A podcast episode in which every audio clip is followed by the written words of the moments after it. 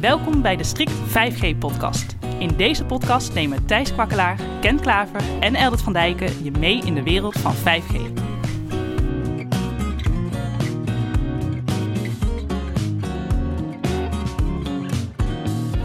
Dit is de Strict 5G-podcast. Ik ben Thijs. Ik ben Eldert. En ik ben Ken. Bij 5G denkt men standaard aan de hoge snelheden die behaald kunnen worden, maar daarnaast is de belofte ook ultra-low latency en grote verbondenheid met apparaten. Hoe dat gerealiseerd kan worden is niet eenvoudig, maar om hier invulling aan te geven wordt een oud technologisch paard van stal gehaald: DECT. En DECT, ja, DECT ken ik alleen nog maar van die, van die oude techniek van mijn draadloze vaste lijn vroeger thuis bij mijn ouders. Dat je wel door het huis heen kon lopen en een basisstation had die aan de telefoonlijn zat. En dat, ging dan, dat was dan een DECT-telefoon. Dat was een DECT-telefoon, daar kennen we DECT van inderdaad. DECT staat voor Digital Enhanced Cordless Mobility. En het is eigenlijk bedoeld om uh, inderdaad uh, gebruikers de mogelijkheid te geven om gewoon rond te lopen in je huis zonder dat je aan een lange kabel verbonden zit zoals vroeger. Daarvoor hadden we nog analoge mobiele of uh, portabele telefonie. Nadeel dat je ook de gesprekken van de buren kon opvangen als je een beetje uh, geluk had of pech had. Nou, daar is een digitale variant van gekomen, dat heet DECT. En die standaard die is denk ik al een jaar of dertig oud, als ik me niet vergis. Jaren negentig in ieder geval. En toen kwamen de eerste producten ook op de markt. En iedereen kent de, de, de gigasets en de, de profoons die je bij de gamma kan kopen. Zeg maar. Dat zijn allemaal prima apparaatjes. En het wordt vaak aangeduid als oude technologie. En oud is wel waar, in de zin van oud. De standaard is er al 30 jaar. Maar voor voice voldoet het nog, nog best goed. En je ziet ook dat hij bij uh, wat professionele instanties gebruikt wordt. Nou, niet wat professionele instanties, maar gewoon in de professionele wereld. In ziekenhuizen zien we het heel veel dekt. Zowel van handset naar basisstation is dan dekt. Hè, en van basisstation naar de PHBX is dan vaak draadgebonden. En dat was vroeger allemaal analoog. Is tegenwoordig ook digitaal op basis van IP. Dus er is best wat voort, voortgang geweest in die standaard. Maar is nog steeds zeer wijdverbreid. Dus weliswaar oud, maar nog niet versleten. Maar voldoet nog niet helemaal aan wat we natuurlijk van 5G kunnen verwachten. Dus daar zit een link. ja, precies. Nou, DECT wordt ook nog steeds veel toegepast in headsets, met name voor uh, telefonisten. Uh, en daar zie je dat dat nog steeds een hele betrouwbare technologie is, waar je ook met grote aantallen gebruikers in dezelfde ruimte nog steeds allemaal een goede verbinding kan hebben. Dus DECT heeft uh, echt wel een aantal intrinsieke kwaliteiten. En het allermooiste is dat DECT ook zijn eigen frequentieband heeft in heel de wereld. Waarbij niemand anders op die frequentie iets anders mag doen dan DECT. En het enige hoe je DECT mag gebruiken is met laag zendvermogen. Uh, maar het heeft wel een, een behoorlijk bereik. Er zijn zelfs netwerken gebouwd in Zuid-Amerika... waarbij ze met behulp van DECT internettoegang gaven in afgelegen gebieden. En waarbij ze met een grote richtantenne tot zeg maar 15 kilometer ver huizen van een internetverbinding konden. Eigenlijk de, de wireless local loop invulling met, met DECT. Ja, absoluut. En hoeveel ja. bereik je dan? Een paar kilometer toch wel? Ja, nee, dat zei ik. 15 kilometer. Ja. Echt wel uh, bereikt. Dus dat is zeg maar een relatief goedkope technologie om, om bepaalde dingen te doen op een frequentieband waar uh, je in principe niet door anderen lastig wordt gevallen en niet gestoord wordt. Dus dat heeft, uh, heeft best zijn voordelen. En we zien het nu ook nog toegepast worden in de professionele wereld, waarbij DECT gebruikt wordt zeg maar, als portosysteem voor evenementmanagers en regisseurs. Waarbij ze met behulp van hun eigen radiotechnologie de cameramensen bijvoorbeeld kunnen instrueren van uh, nu naar dit shot, nu naar dat shot. En zonder dat iemand anders mee kan luisteren en zonder dat iemand anders stoort op jouw kanalen. Dus zeker voor uh, events dat je gewoon je eigen systeem mee kan nemen. Uh, je altijd op die frequentie mag uitzenden. Je eigenlijk niet hoeft te verwachten dat anderen daar gaan storen. Ja, dat is briljant. En wat maakt DECT nu dan dat het een combinatie kan worden met 5G? Nou, de DECT standaard heeft al heel wat jaren ontwikkeling ondergaan. Dus er is ook een, een low power variant van geweest. Er is ook een HD voice variant van geweest een jaar of tien geleden. En die DECT standaard is, is echt wel verder ontwikkeld. En die technologie is niet verkeerd. Hè? Want een jaar of vijftien geleden werd DECT-achtige technologie bijvoorbeeld ook gebruikt om de Xbox controllers uh, van de, verbinding te voorzien. En daar moest natuurlijk een lage latency was cruciaal. Want als je op de controleknop drukt, wil je niet dat een halve seconde later er pas iets gebeurt. En de verbinding moest stabiel zijn, moest overal toegepast kunnen worden. En daar hebben ze, naar ik meen, ook een variant van de DECT-technologie voor gebruikt. Dus dat is wel, zeg maar, op heel veel plekken is stiekem toch dekt zonder dat we het weten. En ondanks die ontwikkeling zie je toch dat dekt inderdaad een beetje op het einde van zijn, van zijn technologische levensduur leek te komen. En er zijn initiatieven geweest om dekt naar een nieuwe standaard te helpen. En nu zijn eigenlijk twee partijen gekomen die buitenom uh, de grote traditionele dektleveranciers, voor zover die er nog zijn, uh, zijn twee nieuwe partijen gekomen. En die hebben eigenlijk gezegd: Nou, weet je, als we nou eens 5G radiotechnologie toepassen in het DECT-domein, maar dan met behulp van mesh-technologie op een hele andere manier een netwerk bouwen. En dan vooral gericht niet op die topsnelheden en de hoge beloften van 5G, maar gericht op die twee andere die je ze net al noemde, Thijs. Dus op uh, ja, IoT-toepassingen en low latency uh, reliable communications. En dat is waar DECT denkt uh, een goede oplossing te kunnen bieden. Je noemde net ook een uh, andere term, mesh-technologie. Wat is dat? Eigenlijk dat je een aantal nodes in dezelfde ruimte kan zetten of verspreid over een, uh, een gebied, waarbij die elkaar onderling vinden. En als jij data wil versturen van, vanaf jouw device naar het internet en een van de andere devices heeft een internetverbinding, dat dat allemaal gedeeld wordt met alle andere devices. En als je dan een stukje verderop zit, dan kan er goed zijn dat iemand anders tussen jou en het internettoegang zit, die jouw data weer doorgeeft zodat het bij het internet komt. Dus je, je bent zeg maar vrienden met z'n allen en je, je helpt elkaar. En dus het is een heel vriendelijk netwerk dat iedereen elkaar helpt, zodat iedereen zijn datacommunicatie zo goed mogelijk verloopt. Die noden zijn eigenlijk via een soort maas, vermazen structuur aan elkaar verbonden. Exact. Elke node ziet een aantal andere nodes en die kijkt wat is de kwaliteit van die verbinding. En als die verbinding dan slecht wordt, dan kan die via een ander pad toch weer terug naar de, naar de host. Ja, en het slimme in dit mesh-netwerk is dat ze dat doen ook met een, uh, een waarde toekennen. Dus hoeveel hops heb ik nodig om bij het internet te komen? En als er een verbinding is die zeg maar met één tussenstap is, dan heeft die meer voorkeur dan een verbinding die met twee of drie tussenstappen verloopt. Dus het netwerk wordt ook steeds geoptimaliseerd. Je ziet bij wifi dat ook, hè? die mesh-technologie. Steeds vaker zie je bij de bekende providers die uh, ja, de slimme wifi-boosters of hoe ze ook mogen heten. Ja. En eigenlijk zijn het van die witte kastjes die we elkaar dan steeds opzoeken, waardoor niet iedere node uh, bekabeld hoeft aan te sluiten. Maar degene die je als uitbreiding koopt, die maakt gewoon verbinding met de bestaande infrastructuur. En eigenlijk heb je maar één node nodig met een vaste bekabeling naar je, naar je internetprovider. Klopt. Alleen mijn ervaring van de laatste tijd met wifi mesh netwerk is dat de vertraging niet constant is. Dus als een van die zenders tussendoor wat aan het zenden is, dan heeft hij even geen tijd om jouw datapakketjes te sturen. Dus zeker als je hogere datasnelheden wil, of zeg maar voor een Teams call een betrouwbare lage vertraging, dan merk ik dat wifi te vaak, bij mij thuis in ieder geval, te vaak vertraging heeft. Omdat er dan toch te veel signalen in de lucht zitten. En ik heb geen andere zenders in de buurt, dus daar zit het probleem niet. Maar het zit echt in die mesh-technologie, dat volgens mij mijn router druk is met iets anders en dan even geen tijd heeft voor mijn datapakketjes voor Teams. En dan vind ik het alweer vervelend worden.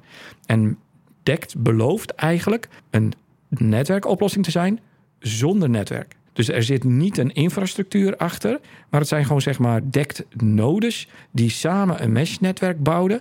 En op het moment dat er ergens een internetconnectiviteit in zit, of op twee of drie plekken, dan heb je al een hoge mate van redundantie. Tenminste, dat is wat ze beloven en dat is hoe de standaard is ontworpen. En daarmee zou je echt wel heel ver kunnen komen. Betekent eigenlijk dat je ook geen cellular-netwerk nodig hebt voor DECT New Radio, voor de nieuwe standaard. Het zijn eigenlijk losstaande nodes, net als bij wifi uh, uh, een meshnetwerk. Ja. Die met elkaar verbinding maken, waarmee je een DECT-netwerk kan maken op een campus of op een andere toepassing. Ja, exact. Zonder dat je zendmasten hoeft te plaatsen met eigen frequenties en dat soort zaken. Precies. En naarmate je zelfs meer nodes uitrolt, wordt het netwerk stabieler en betrouwbaarder. En, en dat is natuurlijk wel een hele interessante. Dus dat, dat zijn dus zeg maar de gebruikersnodes die je uitrolt. Wat voor mij daar wel bij zit, aangezien het toch wel een redelijk zendvermogen, uh, tenminste 200 milliwatt mag het uh, systeem uitzenden per node, is dat ik denk dat het niet zo snel batterijgevoed zal zijn.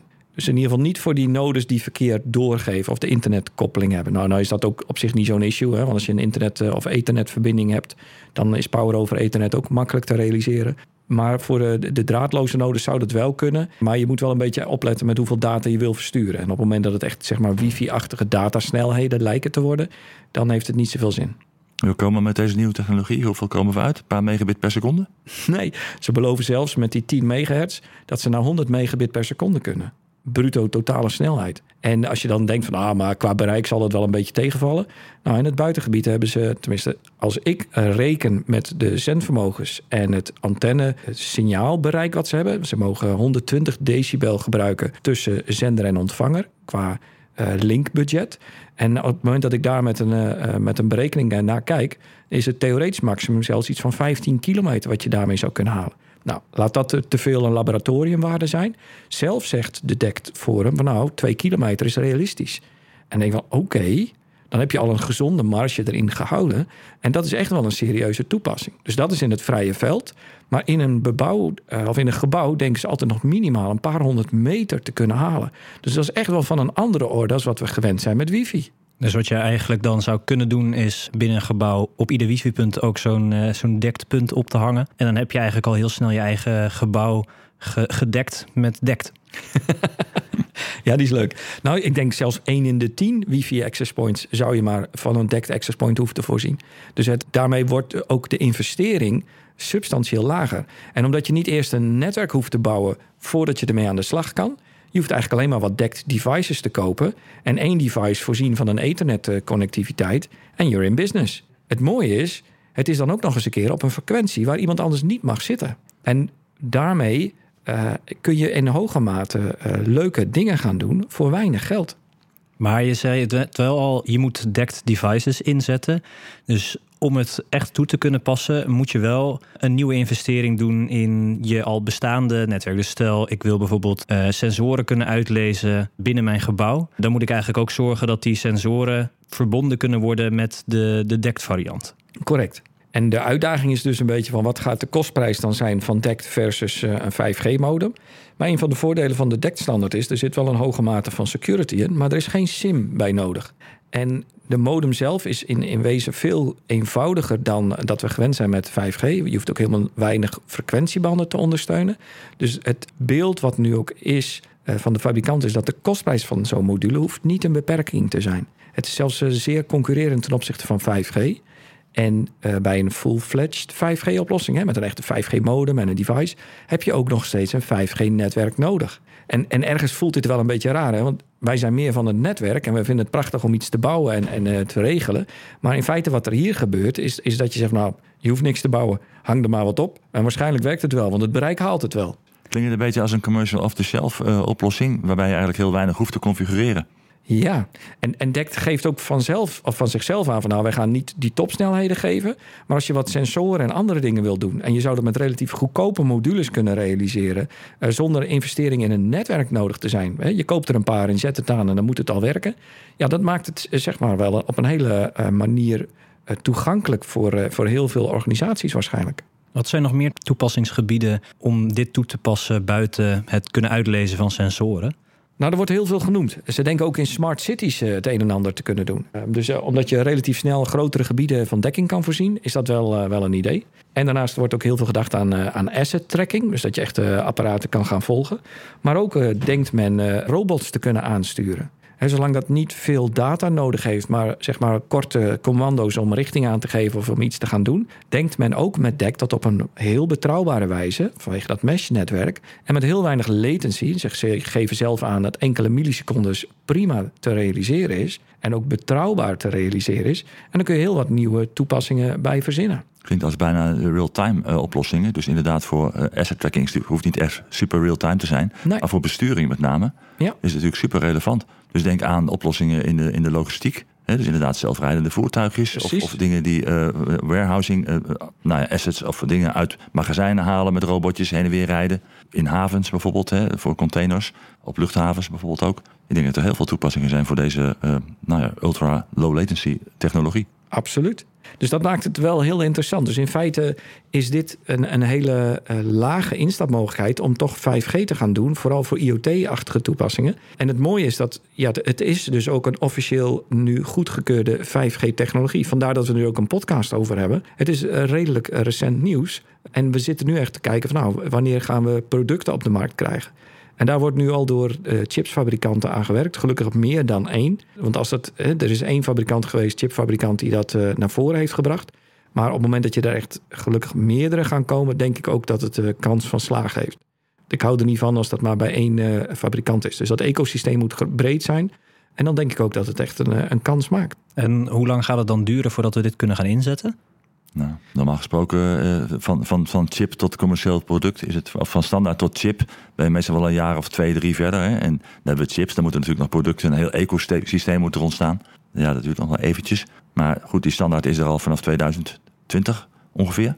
Nee, eind vorig ja. Ja, 2021. Waar is er mee bezig? Eind vorig jaar is die nu officieel goed. Ja, er is heel veel gelobbyd door, ja. de twee partijen die jij hebt verteld. Dus uiteindelijk is het een officiële ESI-standaard geworden in de lijn van 5G of als subset van de ja. 5G-standaard. Dus die standaard is er nu.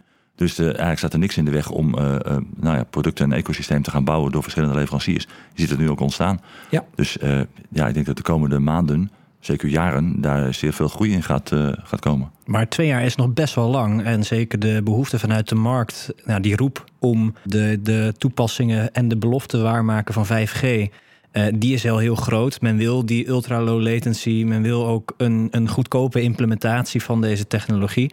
Valt er dan niet sneller wat, wat te regelen op, op deze DECT? Nou, dat is een hele goede vraag. Maar als ik dan even kijk waar de echte ultra, sorry, de ultra reliable low latency, de URL LC uh, is. Nee, de ultra. Uh, het is echt een tongenbreker. Ja, wat is het nou? LC of de URL CC? Daar, daar hebben we hem alweer.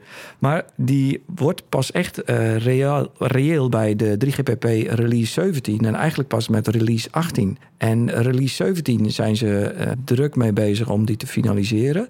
En voordat dat dan producten worden en daarna in netwerken is geïmplementeerd, denk ik ook dat we nog wel een jaar of drie, vier uh, verder zijn. Maar dat geldt ook voor de reguliere uh, 5G-producten natuurlijk. Precies, exact. De ontwikkeling van DECT en, en de ontwikkeling van regulier 5G naar die URL-CC-standaard is echt wel, dat, daar gaat nog wel een paar jaar overheen. Het is er vandaag de dag gewoon nog niet. Nee. Dus dan kun je zeggen, ja, DECT 5G, hè, wat jammer dat dat nog een paar jaar duurt. Maar de echte 5G low latency, duurt ook echt nog wel een paar jaar. Dus dat is een van de nadelen van, eh, van deze technologie. Het is er gewoon nog niet. En het duurt ook nog wel even voordat het er is. Welke nadelen kleven er nog meer aan het gebruik van juist deze technologie ten opzichte van bijvoorbeeld een eigen private netwerk of juist een wifi-technologie? Ik zie vooral voordelen. Ja, en die hebben wij ook, uh, ook zeker wel behandeld. Maar ja, er zijn natuurlijk ook wel tegens te verzinnen, denk ik dan. Ja, je zou kunnen opwerpen dat het nog geen proof of technology is. Het is ook een nieuwe standaard. En als je het echt in een kritische omgeving gaat inzetten, eh, voldoet het dan wel aan je eisen en wensen en gaat het echt wel doen wat, het, eh, wat je ervan verwacht? Ja, dat zou je kunnen of opbrengen als, als argument.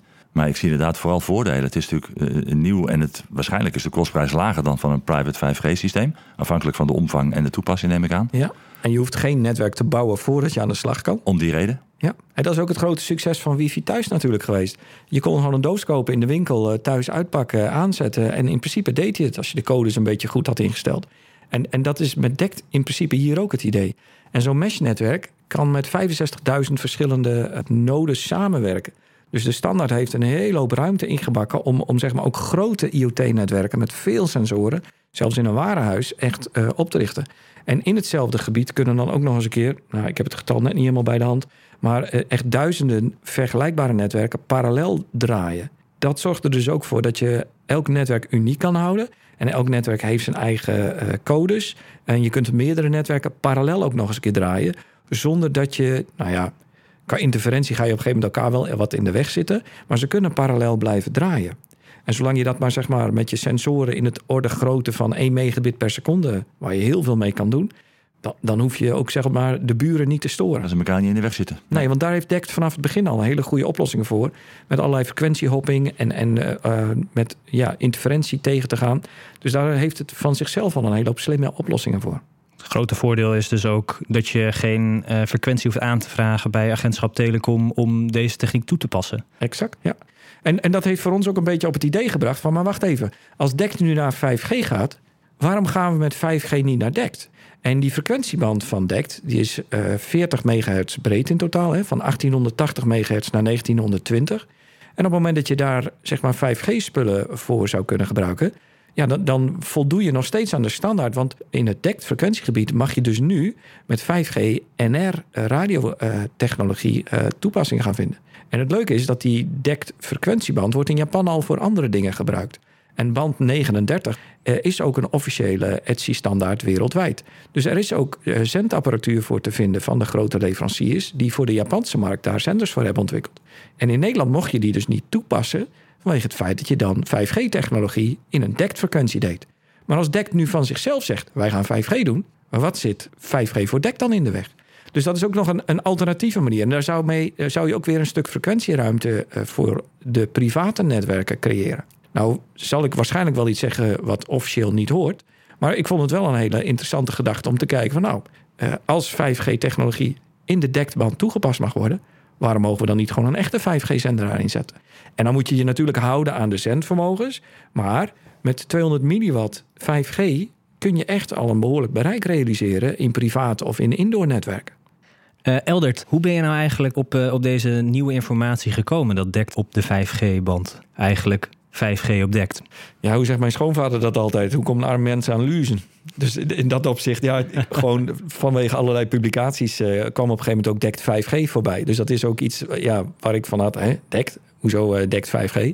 en in het verleden heb ik al vaker ook met DECT-technologie te maken gehad. Dus in dat opzicht vond ik die combinatie DECT en 5G wel heel interessant. En een van de dingen die ik onlangs vond, is dat door ABI Research een DECT whitepaper is geschreven over die nieuwe 5G-standaard, waarin ze ook een aantal use cases naar voren hebben gebracht.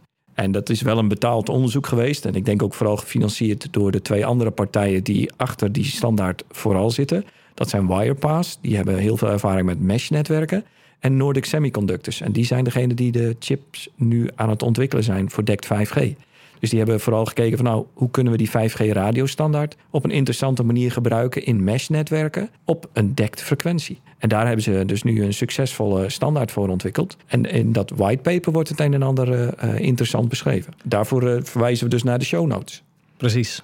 Tot die tijd is dit zeker een technologie en ontwikkeling die we voor jullie in de gaten gaan houden. En waarbij we als strikt ook zeker gaan kijken of wij zo'n uh, zo'n radio set nou, op de kop kunnen tikken. Want we hebben hier een Mobile Competence Center waar we eigenlijk alle nieuwe technologie op het gebied van mobiel voor onze klanten ook uh, daar demonstrabel hebben. Hè, en allerlei use cases willen laten zien. Dus het, het zou een uitstekende aanvulling daarvoor zijn. Dus we gaan proberen contact te leggen met de genoemde fabrikanten om te zien of wij onze hand kunnen leggen op zo'n set. Het is wel leuk dat je dat nu eh, zegt, Ken, hè, want het idee is, is supergoed. Maar vooral het, het stoere vandaag, eh, we zitten midden in een verhuisde kamer. Dus, dus terwijl we deze podcast nu opnemen, zitten we midden tussen een hoop verhuisdozen en een apparatuur die we opnieuw aan de wand willen schroeven. Dus het is op dit moment nog een grote chaos. Maar erg leuk om weer eens opnieuw met nieuwe technologie aan de slag te blijven gaan. Dus mocht je geïnteresseerd zijn in 5G-technologie, hoe het werkt en zou je dat graag willen zien, kom dan vooral eens een keertje langs bij de Strict Mobile Competence Center. Maar tot die tijd de eerste keer dat. Eldert. Ja, en die is deze keer gebaseerd ook op DECT. Toen ik als uh, trainee aan het werk mocht gaan bij een groot uh, telecombedrijf... was een van de mooiste dingen die ik toen kon krijgen... was een DECT handset. Dus in de tijd dat uh, gsm voor de doorsnee gebruik nog echt niet normaal was... 1995, was er wel een compleet campus communicatiesysteem. En mijn taak was het om uh, vooral achter logistieke processen aan te jagen en overal mensen te spreken. En ik kon mij begeven op het grote campus, waar iets van 15 gebouwen waren, uh, terwijl ik gewoon steeds bereikbaar was voor al mijn collega's. En ik had een hekel aan achter mijn bureau zitten, dus dat deed ik ook eigenlijk bijna nooit. En, en zo'n dekte handset gaf mij de vrijheid om overal rond te lopen en gewoon nog steeds bereikbaar te zijn op het interne nummer. Als trainee kreeg je helaas alleen niet zo'n toestel, maar ik had vrij snel door dat je op een gegeven moment je eigen bureautoestel kon doorschakelen naar de dekt van iemand die een dag vrij was. En dan nam je gewoon zijn toestel mee en kon je daar een hele dag mee rondlopen. Moest je alleen zorgen dat hij smiddags weer op zijn plek terugkwam en dat je doorschakeling er weer afgehaald had. Maar het was voor mij wel een, een manier waarop ik heel veel tijd overal heb kunnen doorbrengen. En veel mensen heb leren kennen binnen het, het bedrijf. En ook overal eh, ter plekke kon zijn. Terwijl ik nog steeds bereikbaar was voor eh, de vragen die men wilde stellen. Mobiel voordat mobiel er was. Absoluut, ja. Dit was de Strict 5G-podcast met Eldert, Ken en Thijs. Abonneer je op de podcast zodat je direct weet wanneer er weer een nieuwe aflevering is. En laat ons ook vooral weten wat je ervan vond.